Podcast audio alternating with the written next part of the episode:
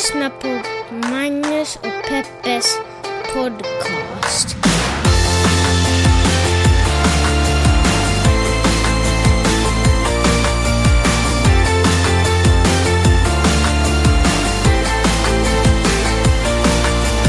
Hallå internet!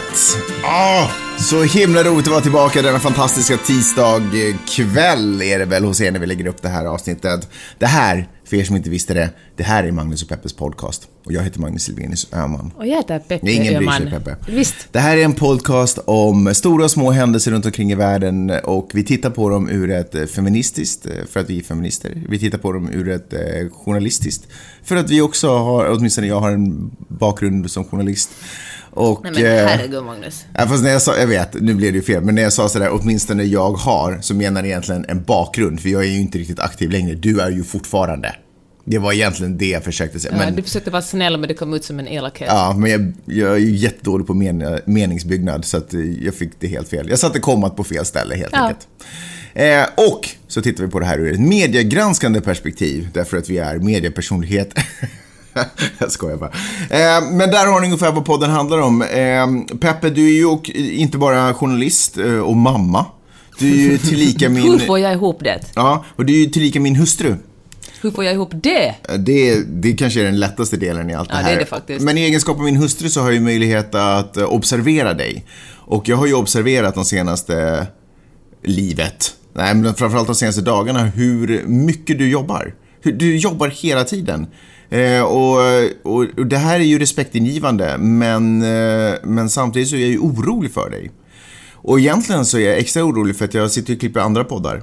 Och i en av poddarna, eller i, ja, det pratades lite om psykisk ohälsa och bland annat hur en av programvärdarna i en av poddarna, pappa, hade tagit livet av sig för att han bara pallade inte sitt eget tryck liksom. Och jag har ju eh, själv en farsa som har gått in i väggen. Eh, det finns ju massor med människor som går in i väggen. Det är ju kanske en av de vanligaste sakerna man gör nu för tiden i västvärlden, går in i väggen. Och då ser jag dig sitta och slita häcken av dig för eh, struntsummor. Ja, det är faktiskt sant. Rent ut sagt. och det, jag skrattar, men det är ett skratt av Det är desperation. ett ledset skratt. Det är ett, ja, det är ett förtvivlat skratt. Men jag har ju vetat om det på en, eh, liksom en rationell nivå, att uh, tidningsredaktionen betalar mig jättedåligt. Men så hade vi Paulina här som gäst förra veckan, en, en svensk kompis, och så började vi tala om det här och sen var det du eller hon som sa att herregud så lite du får betalt. Mm. Och då blev det liksom en ännu tydligare aha-upplevelse för mig, så nu har jag gått och tänkt på det. Herregud så lite de betalar mig. Så det inte nog med att, nu, att du fortfarande jobbar hårt, nu sitter du och jobbar hårt med jättedålig smak i munnen Ja. också. Men det är så hemskt när man är frilansare, man vill liksom ge det bästa möjliga eftersom man vill ha fler uppdrag, Mm. medan uh, tidningsredaktionerna vill betala en så lite som möjligt. Så är det ju. Det är, Och det är nästa- verkligen sådär, hej, kan du skriva, fotografera och slänga in en liten video? Vi betalar dig 200 euro. Mm. Nu överdrev jag lite, eller underdrev, men liksom väldigt lite pengar. Och gärna om du kan promota det på din blogg också. Ja. Men, men samtidigt, alltså det låter ju hemskt om man tittar på det på det där sättet. Men eh, samtidigt så får du ju göra det du älskar. Jag menar, du skulle ju de facto kunna jobba med vad som helst. Du har ju en fantastisk, du har ju flera examen. Jag menar, du skulle ju kunna jobba för en, en eh, PR-byrå eller något sånt. Eller, men, men Då behöver man två magistersavhandlingar. Eh, Det, det skadar ju inte. Jag bara säger Nej, att du, du skulle kunna jobba var som helst. Men du väljer ju att göra det här för att det är det här du vill göra. Eller hur? Ja, Stämmer man skulle inte ju det? inte klaga om man har valt det själv. Nej, men det, det är inte det jag menar att du inte ska klaga. För det är ju fortfarande vidrigt hur mycket du gör. Alltså om du fick, ett, om du fick en, en liten eh, tonka, alltså en liten eh, tillbringare med urin, så skulle det nästan vara lite mer värt. För det skulle vi kunna omvandla till biodiesel och kunna köra vår bil någonstans i alla fall. Så att du får ju verkligen superlite. Vad ska vi göra den saken då? Ja, det kan vi inte göra någonting åt. Jag vet! Det här bara, bygger du upp det här att säga att man kan prenumerera på vår podd? Nej, nej, vet, nej, absolut inte. Nej, gud, vi får inte alls ta det i samma sammanhang. Det blir jättekonstigt. Nej, men helt seriöst. Alltså, det här med att jobba för hårt och gå in i väggen, det är ju en verklighet. Är du inte orolig för det? Nej, jag är okej faktiskt. Det är okej. Ja, jag får rida och springa ibland och Ja, dricka vin på du kvällarna och herre, jag tar Ja. ju hand om mig själv. Det jag verkligen önskar, att jag inte skulle vara så trött på kvällen så jag skulle hinna se lite TV-serier. För jag, håller, jag pallar inte hålla på att ta hand om en himla människa som sitter och dreglar apatiskt i soffan. Det, då är det slut, kan jag säga. Mellan oss, Ja. det här äktenskapet. Ja, då, om det kommer till det, då måste jag gå vidare och hitta en, en lite mer alertare tjej. Nu över till något mycket gladare. Magnus, vi har ju vunnit ett pris. Mm. Vi är årets nyhets och samhällspodd. Just det. I Svenskfinland. Ja, men ändå. Nej men alltså det är ju grymt. Eh, ja, det, men det är ju... Alla de här åren av hårt poddande och nu äntligen upptäcker någon oss. Nu är frågan, ska man sluta? Nu när man är på topp? Eller hur? Då blir man ju ihågkommen som eh, den podden som vann nyhets och samhälls... Nej, det är ju att ge upp. Vi ska vinna det nästa år också. Okej, gud vad roligt. Nej men det är ju faktiskt, så här, det är ju fantastiskt roligt att få pris. Jag får ju hemskt sällan priser. Eh, Nej, du kanske- brukar klaga på det faktiskt. Nej, jag brukar inte klaga på det, men... Ja, men jag dyker upp ibland med en sån här bitter, en bitter kommentar. Alltså, det, de, jag, har, jag har fått eh, några liksom interna priser. Eller jag skulle mer kalla dem för interna uppmunt... Av Vidde. Ja, precis. Av, av dig. Ja, precis. Nej, men när jag, när jag jobbade på... Utnämnd till världens bästa men pappa i familjen, Vem avbryter, vem avbryter vem? när jag jobbade på Radio Extrem. Folk är så jäkla känsliga när jag flikar in med bra saker när du pratar. Men när du flikar in med humbug, då är det ingen som säger. Hej 1950. Anyway, jag får väldigt lite priser. En av, mina, en av mina stoltaste medaljer jag har är ju en guldmedalj, knappast äkta guld, men från eh, fotbollsturneringen Söderkuppen som gick av stapeln, ja den kanske går fortfarande, det vet jag inte, men åtminstone då när jag var med så var det mellan 1984 och 1986. Och två av dem, fyra, fem, sex, ja det blir liksom tre år. Eh, två av de åren så um, vann vi. Ja, och då fick jag en guldmedalj. Och det, jag tror att jag fortfarande har kvar den. berätta mer. Ja, Okej. Förlåt, berätta. Vill du säga något mer? Hur känns det för dig att vin- vinna då? Det känns ju otroligt Du är ju fint. van att få priser och grejer. Det är ju jätte... Det är ju en stor hedersutmärkelse, Mm. känner jag.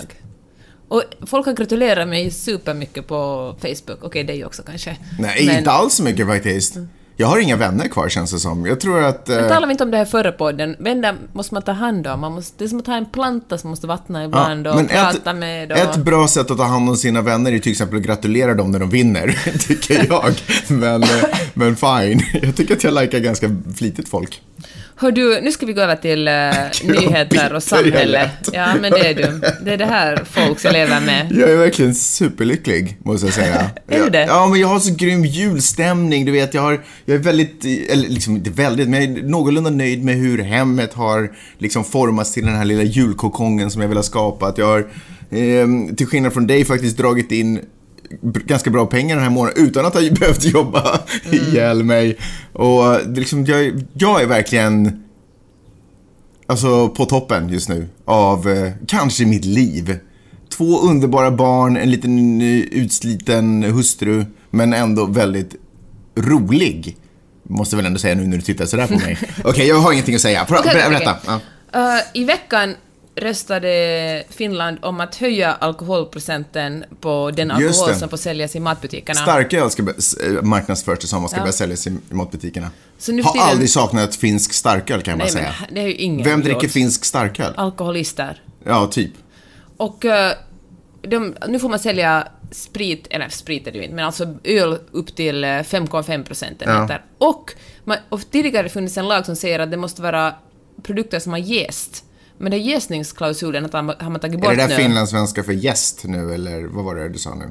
Man jäser, Ja, just det. Mm. alltså ett verb. Ja, bra. Inte det man... Inte att man jäsar. Nej. som hjälpa liksom. Jaha, nej, nej. Och, eh, och det betyder att man kan också sälja så här liksom um, saftutblandad sprit. Ja. Du vad heter det? Så här limonadalkohol i, Ja, okej, just det. i Ja, det har butikerna. något bra namn. Eh, alkoläsk. Alkoläsk, ja. Och eh, vad känner du? Jag, vill, jag är ju nyfiken på din åsikt kring det här. Alltså, jag är ju emot allt sånt här. Eh, Jag har ju haft några diskussioner med människor runt omkring i världen. Eh, Speciellt platser där eh, expats, alltså svenskar, befinner sig på andra delar av världen och är så glada och nöjda över att man kommer åt alkohol överallt. Eh, och tycker att varför är det inte så här hemma? Men jag är inte, jag är inte för det alltså. Jag, jag är inte för legalisering av gräs heller som vissa pratar om. Och gud vad toppen det skulle vara om det kunde vara så i Sverige. Men jag är inte, alltså jag vet inte, vi är inte, vi är inte funtade så. För att det, det kom, liksom sådana här saker kommer med kunskap man kan inte bara skapa, tillåta alltihopa. Det måste, tillåtelse måste komma, det är ju liksom frihet under ansvar. Men för att man ska kunna applicera frihet under ansvar så måste man ju ha ett kunnande. Man måste ju liksom kunna hantera det och förstå det. Och vi har bara inte liksom gjort oss kända för att kunna hantera alkohol. Och då förstår jag inte varför man skulle göra det ännu lättare. Jag kan man liksom inte se, det är inte svårt att få tag på starköl. Så jag förstår inte varför det ska bli lättare. Jag lyssnar på um, Janne Strang och Peter Törnroths Vi dricker eh, inte för Två lite. nollor för mycket, Ja. som inte vann Årets nyhets och samhällsblogg i år, men som ändå är väldigt lyssnadsvärd. Vet du vad som gjorde det vidrigt? Det var det här som du sa efter, som inte vann årets nyhetsblogg. Det var ett fniss. Var... Ja, okej. Ja, och eh, då sa, då, då sa Janne så här att eh, han eh, tycker att det handlar om, om eh, att staten inte ska involvera sig så mycket. Det är ett förmyndarsamhälle som han motsätter sig. Och han sa så här att han tycker att, att finnarna kommer att lära sig dricka, men vi måste kanske offra en generation som inte kan hantera det här. Men det är ju inte en generation vi offrar. Nej men, nej men det känner jag också. Mm. Det är en kultur som inte pallar det här. Men då noterar jag att det finns två stycken, två stycken sort, former av, två stycken människotyper som, eh, som är för det här. Det finns den här Janne-typen som säger att nu får fan staten ta ett steg tillbaka och eh, låta människor ta ansvar över sina egna liv.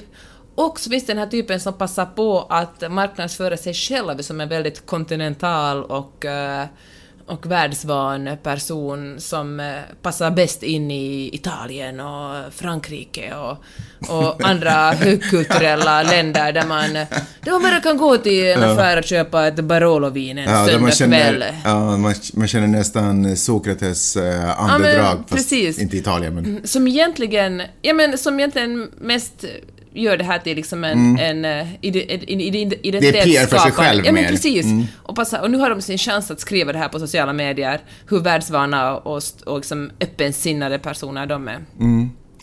Men jag håller faktiskt med dig, jag står, jag står i bromsen här. Sen förstår, tycker jag också, det här är ju liksom, det handlar ju bara om någon, någon pytteliten procentenhet, men det här är ju ett steg mot att få vin till matbutiker i Finland. Det kommer ut vad det är nästa de röstar om om ett år Ja, eller två. säkert. Och sen stark sprit och sen säger man ju där. Ja.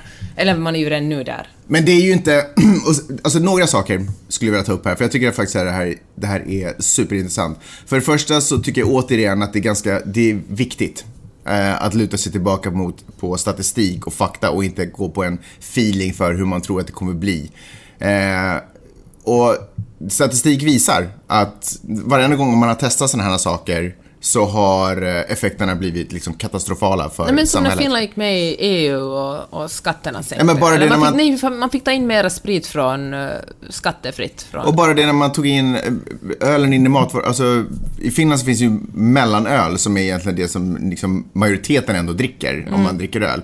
Den, ju, den finns ju i matvarubutikerna, så det är inte så att den här ölen som man blir berusad av inte finns i butiken och är tillgänglig. Men redan när man tog in den så, så blev det ju liksom ett... Eh, för, så liksom eh, hade ju fatala effekter på liksom, eh, folkhälsan i, i landet. Och, eller när man gjorde räden om att folk skulle bli lite mer kontinentala i Finland och börja gå över till att liksom mer socialt dricka rödvin och vin, precis som man gör i Italien. Och sänkte alkoholskatten på vin för att liksom få folk att lämna spriten, så gjorde de aldrig det.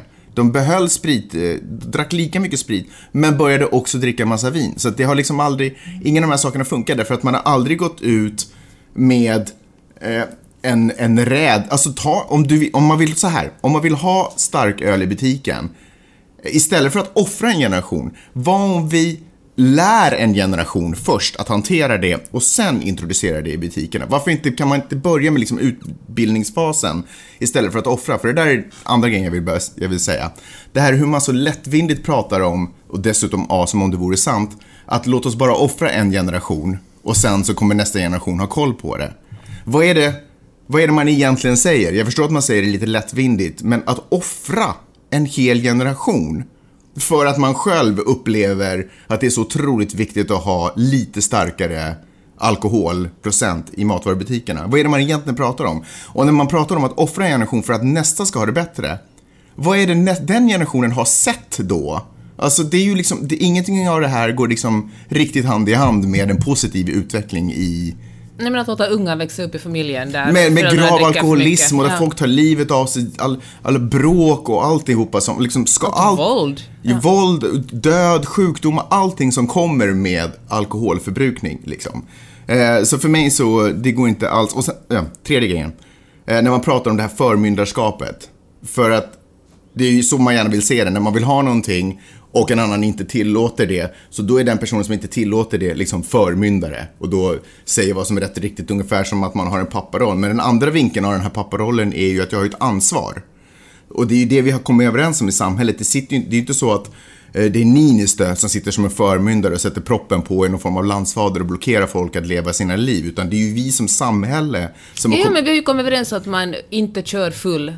Det är ju också ett Precis. sorts Det är ett förmyndarskap. förmyndarskap. Eller att Vadå? barn Jag kan gå köra i lite skola eller få en utbildning. Eller Precis. det finns ju en massa För det finns gemensamma massor- överenskommelser. Exakt, för det finns säkert massor Annars är med... det ju en anarki liksom vi lever i. Exakt, för det finns säkert massvis med människor som kan argumentera för att de nog kan köra med viss promille, att de går alldeles utmärkt att köra.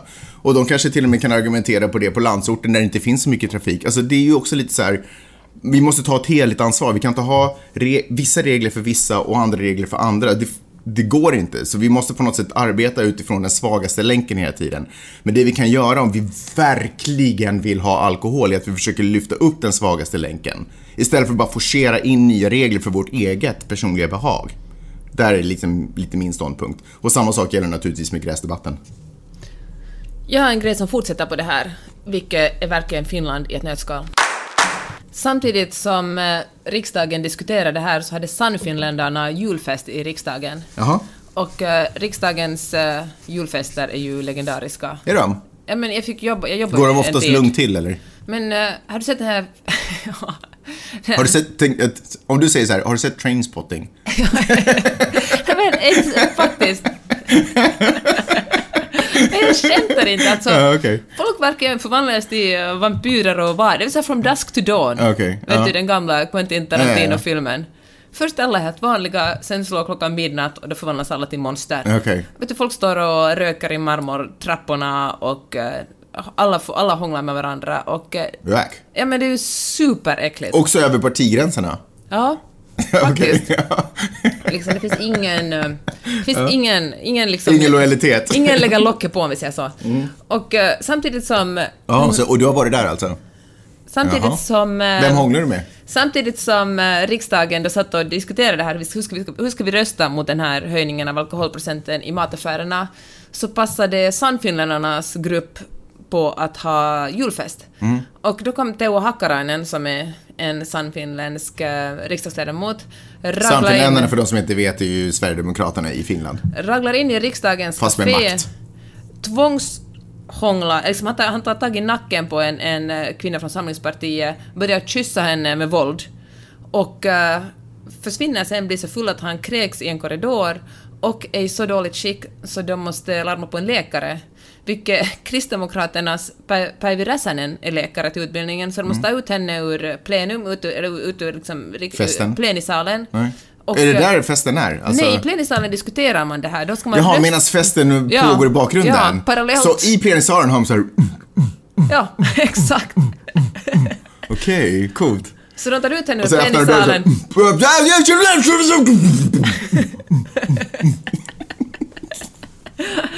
Tar ut henne och hon försöker få honom... Mun mot mun. Nej, men jag vet faktiskt inte exakt hur, men liksom hon är där i egenskap av läkare Ja. och, eh, och väntar med honom där tills ambulansen kommer. Ja, Vilket kaos. Ja.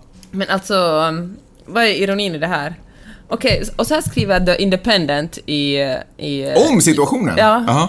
i, i vad heter det, Storbritannien. Ja. Finland's long dark winters led themselves to drinking and the country has the 16th highest alcohol consumption in the world, according to WHO. Och eh, lätt den högsta bland alla nordiska länder. Mm. Och eh, its equally dark neighbors, Sweden and Norway, languish at 50th and 65th respective in eh, the drinking tables. Alltså Finland ligger på 16 plats av de som alkoholen, konsumerar mest alkohol. Jag är ändå imponerad att det finns 15 länder ovanför. Ja. Alltså Ryssland, ja. Men vilka andra? Alltså är det Estland, Lettland, Litauen, alltså är det hela det gänget? Eller vad, vilka ja, är det det, som... det måste ju vara Östeuropa. Ja. Det måste det ju verkligen. Ja, ja. Ukraina. Ja. Fast i och för sig, Frankrike har ju hög alkoholkonsumtion Mm. också i och för sig och Italien nog när jag tänker efter. Ja, anyways. Anyways, i alla fall så tycker jag det är otroligt eh, tragisk och lite rolig ironi det här att medan man diskuterar om finländare kan hantera Mm. att köpa alkohol så måste man, så är det någon som super haft ihjäl sig några meter ifrån dem. Men det här är också en grej som... Som, en, som en parentes bara, den Ja. här eh, Vera Ruoho som är som den här samling, samlingspartisten som han då tvångskysste, Mm. hon eh, anmäler honom för sexuella trakasserier. Vad kommer hända? Han måste lämna gruppen åtminstone, tror jag. Jaha. Mm. Alltså, du menar han måste lämna festen eller han måste lämna... Han måste gå hem. eller måste han lämna samlings... Eller vad säger jag? Okej, Sannfinländarna? jag ska ta reda på det. Säg du vad du ska säga. Jag ska inte säga någonting. Tack och hej. Hej! Har du frågor och kommentarer så kan du mejla min mamma och pappa på Magnus och Peppe snabel-a gmail.com. Gör det!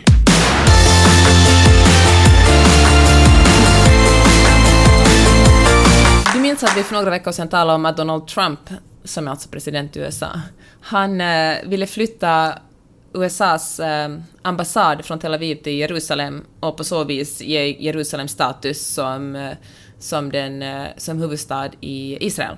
Ja.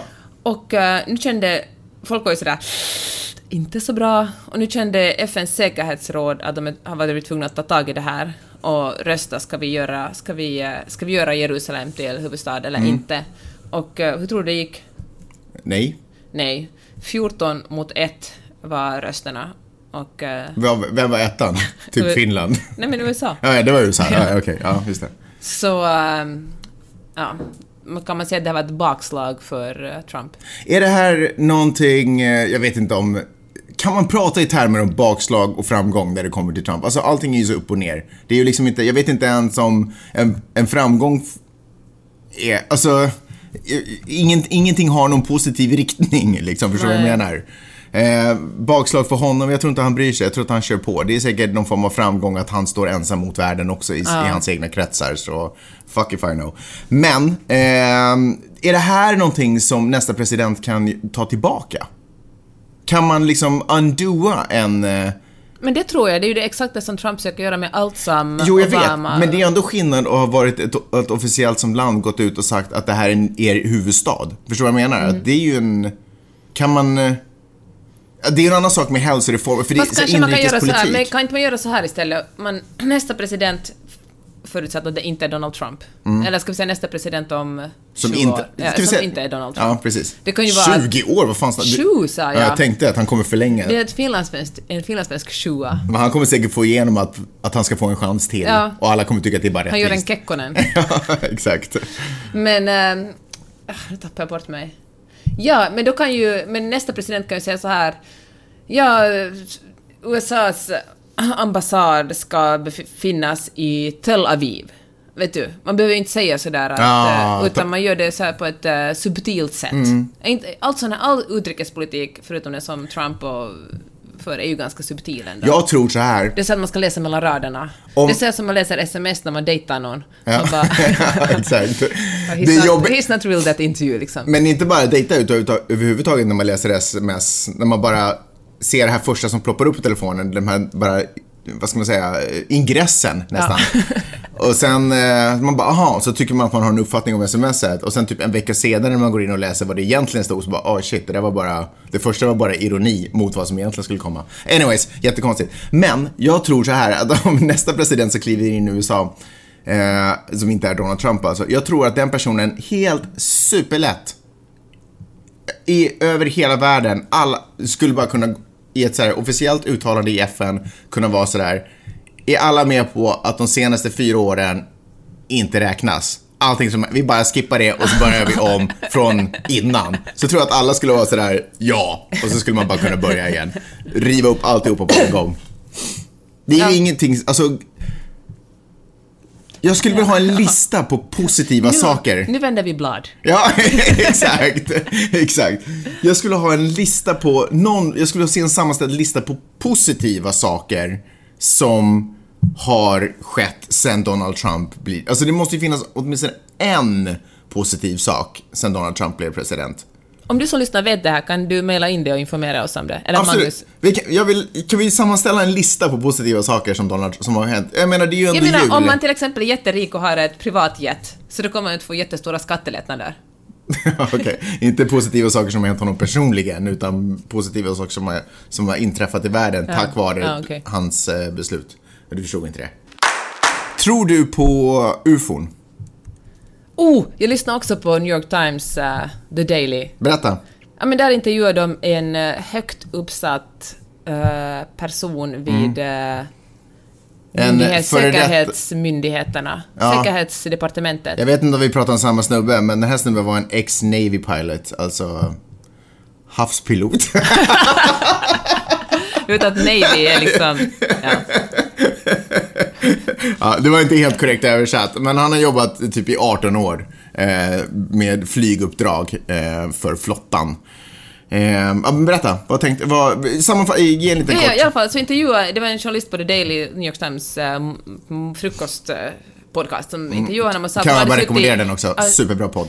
Hon hade suttit en hel dag på ett hotellrum med den här personen och, eh, och i och för sig talar jag kanske om en annan sak, för den person jag talade om var någon som hade jobbat som eh, tjänsteman och tagit emot en otroligt mycket information om alla piloter och andra forskningar som Ah, okej. visar att, eh, att det existerar, att det finns eh, alltså UFOs, ja, oidentifierade Ja. flygande tefat. För, föremål. Inte tefat. Och hon var sådär att nu är jag tillbaka... Alltså tefat, det, då är man så här, okej, nu har ni inte hemskt många referenser. Te, alltså tefat. Ett Ja. fat med tekoppen på.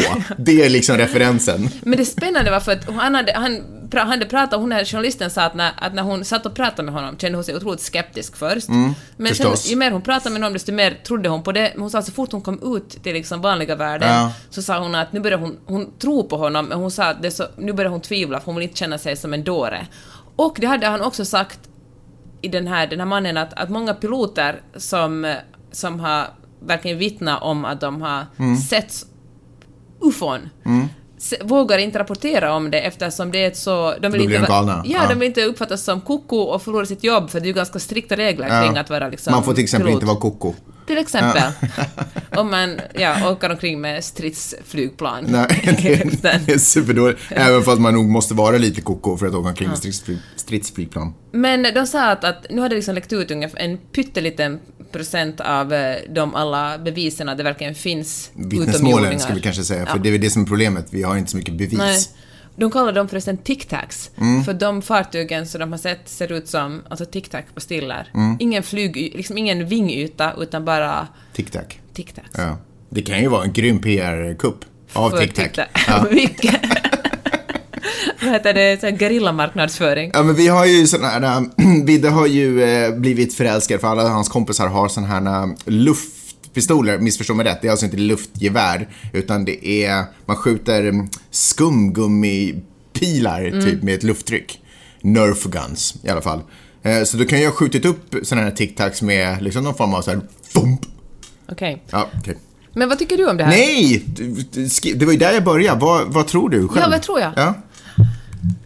Det, men kanske problemet är här att jag trodde ju på henne när hon sa, den här New York Times-journalisten, jag trodde på henne hon sa att hon trodde på den här personen. Mm. Men samtidigt vill jag ju inte att folk ska tycka att jag är helt koko. det är hela tiden den här kampen om att säga sanningen men man vill inte vara galen. Ja. Man vill inte Eller uppfattas som galen. Uppfattas som galen. Ja men så vad är du då? Jag säger ja. Säger du ja? Ja. På riktigt? Så du är galen alltså?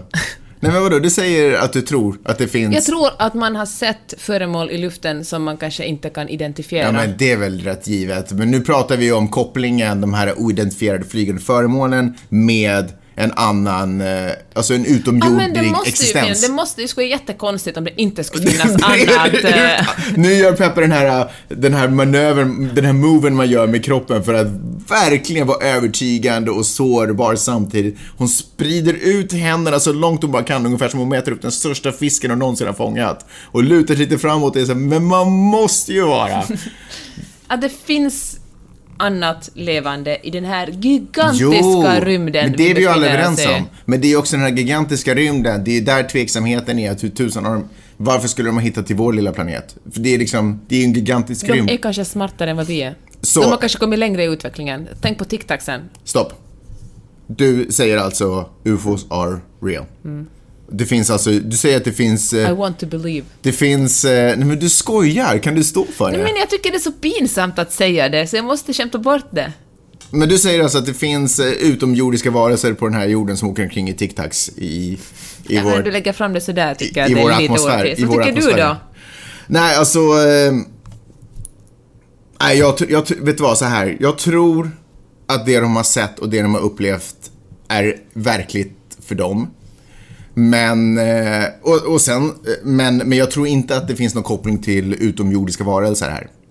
Jag tror att alla eh, piloter inte nödvändigtvis är insatta i alla experiment som till exempel USAs försvar håller på med rent generellt.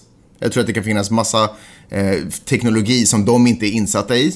Som för de här piloterna kan, och som, de, som sen USAs försvar inte heller kan erkänna. Bara, ah, men sorry, det var vi som sköt upp en tic-tac för vi skulle bara kolla en grej. Eh, så därför så, eh, så kommer inte heller fakta fram och det är det som gör att allting blir mystiskt. Men eh, jag är rätt säker på att, jag, liksom, jag sätter mitt liv på det, att eh, det inte finns några utomjordiska varelser som åker omkring i godisliknande formationer. Vad, vad, vad har du att säga till det? Men det är ju grip... Jag måste ju bara Var säga en det. tråkmansdamm. Nej men, men man får inte dras med i sådana här saker. Därför att det är man måste hålla fötterna på jorden. Men New York Times, det är ju ändå liksom inte, det är ju inte Jo, det Infowars Ja, eller något sånt som Peppe. talar om, vet du, vad heter det, chemtrails. Nej, men det är juletider. Journalisterna har gått på julledighet nu. Nu sitter det en massa praktikanter där och säljer in saker som de tycker är spännande. Det är en ny generation som vill ha lite, sådär, lite roliga grejer som de vill publicera inför jul. Eh, det här är ju inte riktiga nyheter. Det här är ju, eh, det här är ju trycksvärta på annars tomma blad. Det här är ju inte liksom, eh, det här är inte på riktigt. Okej, jag vill att du som lyssnar på det här går och lyssnar på, på The Daily. Nej men, På det i måndags den kom ut. men vi kan inte, Men återigen. jag vill, är nyfiken på vad andra människor, jag tycker de är trovärdiga. Men det handlar inte om att tycka, det handlar ju om att titta på fakta. Här, återigen, att känna och tycka är inte samma sak som fakta. Man måste, Nej, man kan men inte Magnus, dras med, det blir nej, man kan annars. inte dras med, men det beror ju på varifrån informationen kommer. Jag Ja, menar, om någon... Du, men informationen trots att du inte känner kanske att jorden är rund, så är den rund ändå. Ja, exakt, för att jag lutar mig inte på ta fakta. Eller jag lutar mig från... mot fakta. Du måste ju någon, Du kan ju liksom luta dig mot fakta. Så du har liksom mer fakta än New York Times eller som... nej, men faktan här är ju vittnesmål från piloterna, eller hur? Nej, man... det var en, nej det, var, det var ju någon som hade Ja, ja, forskat eller- det här hur länge som helst, som har satt ner, det var, jag tror att han var liksom miljonär ursprungligen, och satt ner liksom otroligt Ja, men mycket. då, då är han ju mer trovärdig, det vet man ju. Fine, okej, du, ville bara, du ville bara göra det här segmentet för att få mig att låta dum. nej, inte alls. Jag vill bara visa på människans sårbarhet. Och sen bara pressar du mig. Finns de, finns de inte, finns de, finns de inte. Nej, Beppe, bli inte aggressiv här nu. Det här är viktigt. Det här, jag tror, det här är ju Som fälla lilla som... gumman du mig dessutom. Det här är ju en fälla Du som... som är hysterisk. Okej. Ja, ja. Matt Damon, skådespelaren, Mm. han eh, har trampat i klaveret. Nej, det har jag svårt att- det på... Det här är svårt att se. Nej men alltså han har sagt så här att... eh, Kan man säga så här? Han satte foten i en potta. Han har sagt så här att, att eh, ett stort problem med metoo är att eh, vi inte talar tillräckligt mycket om män som inte ger sig på kvinnor. Det är det som har tystats ner i den här debatten. Hans kompis Ben Affleck bara ja. What that guy said.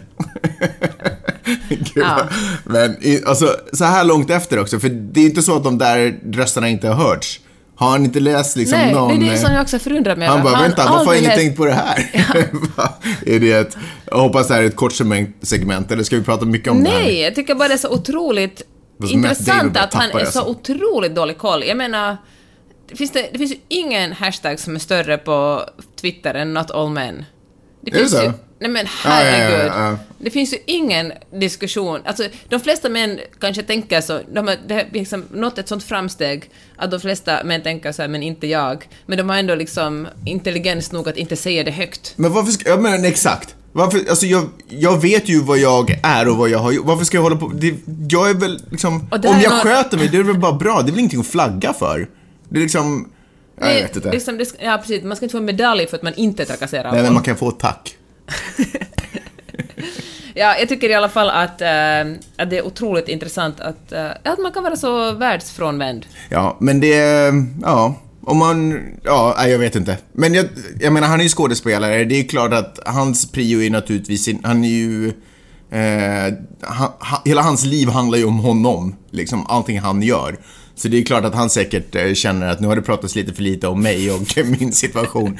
Ja, för han kanske upplever att han inte har våldtagit någon och, och så tycker han att det är orättvist att ingen säger någonting om det. Ja, så vi borde prata Alltså, mer om vem Matt Damon inte har Han, våldtagit. han hade säkert, ja men exakt, han hade säkert velat se så rubriker som att ner med Wein, Weinstein, Weinstein, nu har jag glömt- Weinstein. Weinstein. Eh, men upp med Matt Damon. Liksom, han hade säkert velat se dem, han tycker att det är väldigt I jämförelse är jag faktiskt en ganska bra typ.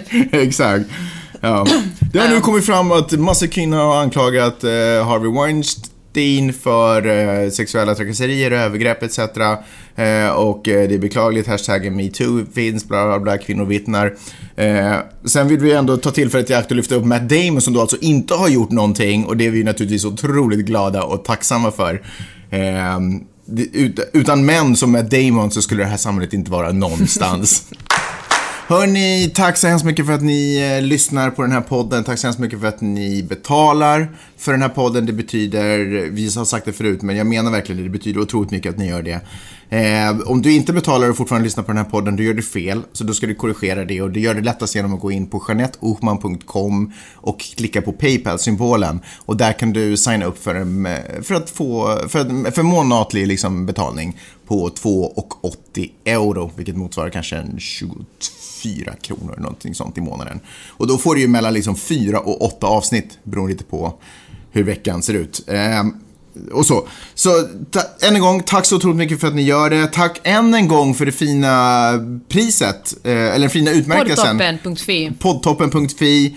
Vi blev alltså årets, eh, ja det, det har vi redan dragit en gång. Men det, det är också superroligt att Ja. få någon uppmärksamhet någonstans ifrån. Tack också för alla era kommentarer, eh, när ni tar kontakt med oss, bara hurrarop är ju också roligt. Men Och också, stort tack som ni som delar podden. Ja. Så att fler får veta att vi existerar. vi är, det är som att det är Thanksgiving all over again, för vi, det är så mycket att vara tacksam för. Och glöm inte det, det är faktiskt mycket att vara tacksam för där ute. Nu ska vi ta och fira lite jul. Jag tänker att vi kommer inte komma ut med ett avsnitt på fredag. Det är fullt hus här, din syrra, din morsa, familj, det är liksom massvis med folk här.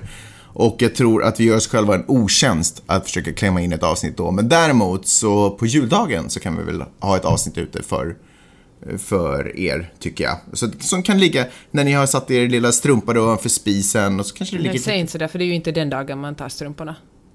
Här i USA är det ju det. Nej, det är då man tar julklapparna från under granen, inte strumporna dagen innan. Jaha, är det så? Ja. Det är jag som inte har koll på den amerikanska... Herregud, så arrogant. Ja, men åtminstone tror jag inte på ufon. Eh, hörni, ha en riktigt, riktigt god jul. Jag hoppas att eh, alla era drömmar och allting, för det är ju en magisk dag. Glöm inte det. Och även fast ni firar den ensam, så njut av den, det lugnet och den tystnaden. Ibland önskar jag att jag kunde få fira en jul ensam någon gång. Får jag säga så här, va? Ja, alltså det, jag, jag kan inte se att Ja, det... men det går att ordna, Magnus. jag kan inte Ja. se att det ska vara en obehaglig upplevelse. Hör du, jag tycker det är lite fint att man säger Happy Holidays här. För att alla är ju kanske inte kristna som Nej. vi. Det stämmer. Vidar berättade igår att han gjorde en dreidel i skolan. Han sa ju sig att den blev misslyckad, men han gjorde i alla fall en dreidel. Jag vet inte ens vad en dreidel är. En dreidel, dreidel, dreidel, det är en sån här liten snurrgrej. Ah, det var den sången han sjöng i Ja. förra året. Yes.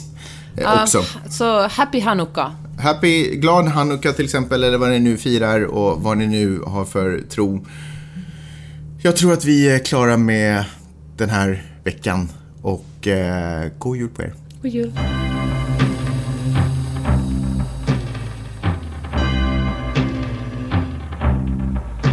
Christmas time.